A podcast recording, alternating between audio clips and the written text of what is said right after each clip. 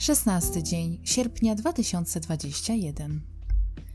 Czasem zastanawiam się, jakby to było dziś żyć bez internetu, bez oglądania cudzych żyć, bez porównywania się z nimi, bez nakręcania tej całej konsumpcji filmów o ulubieńcach, zakupach, projektach Denko, Holly, Outfitów of the Days. Jakby przemieszczać się tylko za pomocą mapy, zamiast GPS-u w telefonie. Pisać listy do rodziny i dzwonić do nich powiedzmy raz na tydzień, bo akurat taka taryfa.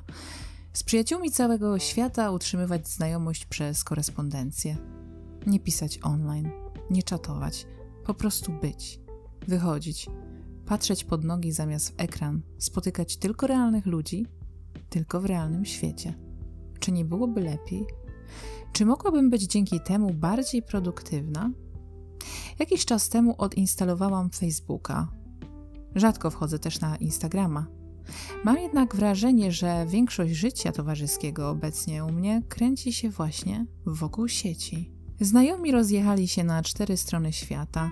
Potrafimy z sobą przegadywać godziny. Chciałabym jednak widywać ich częściej, łapać promienie słońca, śmiać się i dzielić chwilę.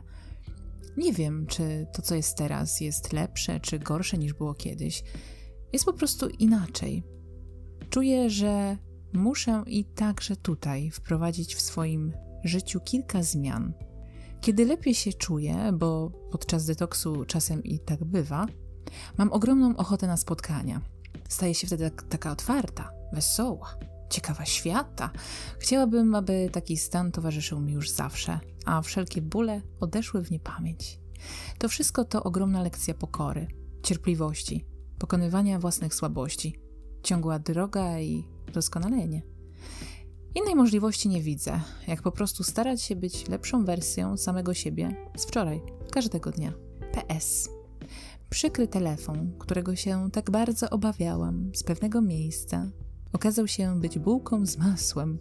No, a mój przypadek zyskał status on hold. Szczęście!